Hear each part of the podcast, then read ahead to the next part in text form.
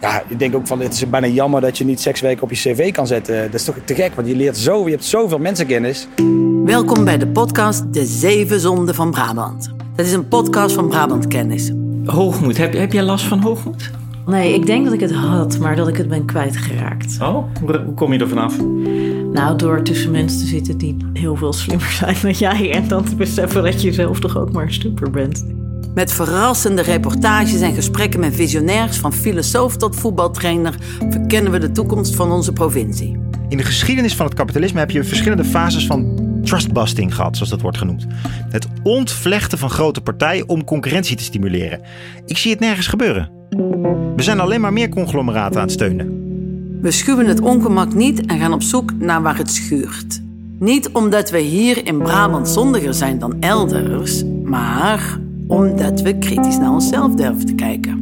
Nou, mensen vonden die naam provoceren. Mensen vonden de, de naam neger vonden ze heel provocerend en pijnlijk voor een aantal mensen zelfs. De Brabo-neger. Ik vind het eerder schattig. Of ben ik nou naïef? Ja, ik denk dat je eerder naïef bent, ja.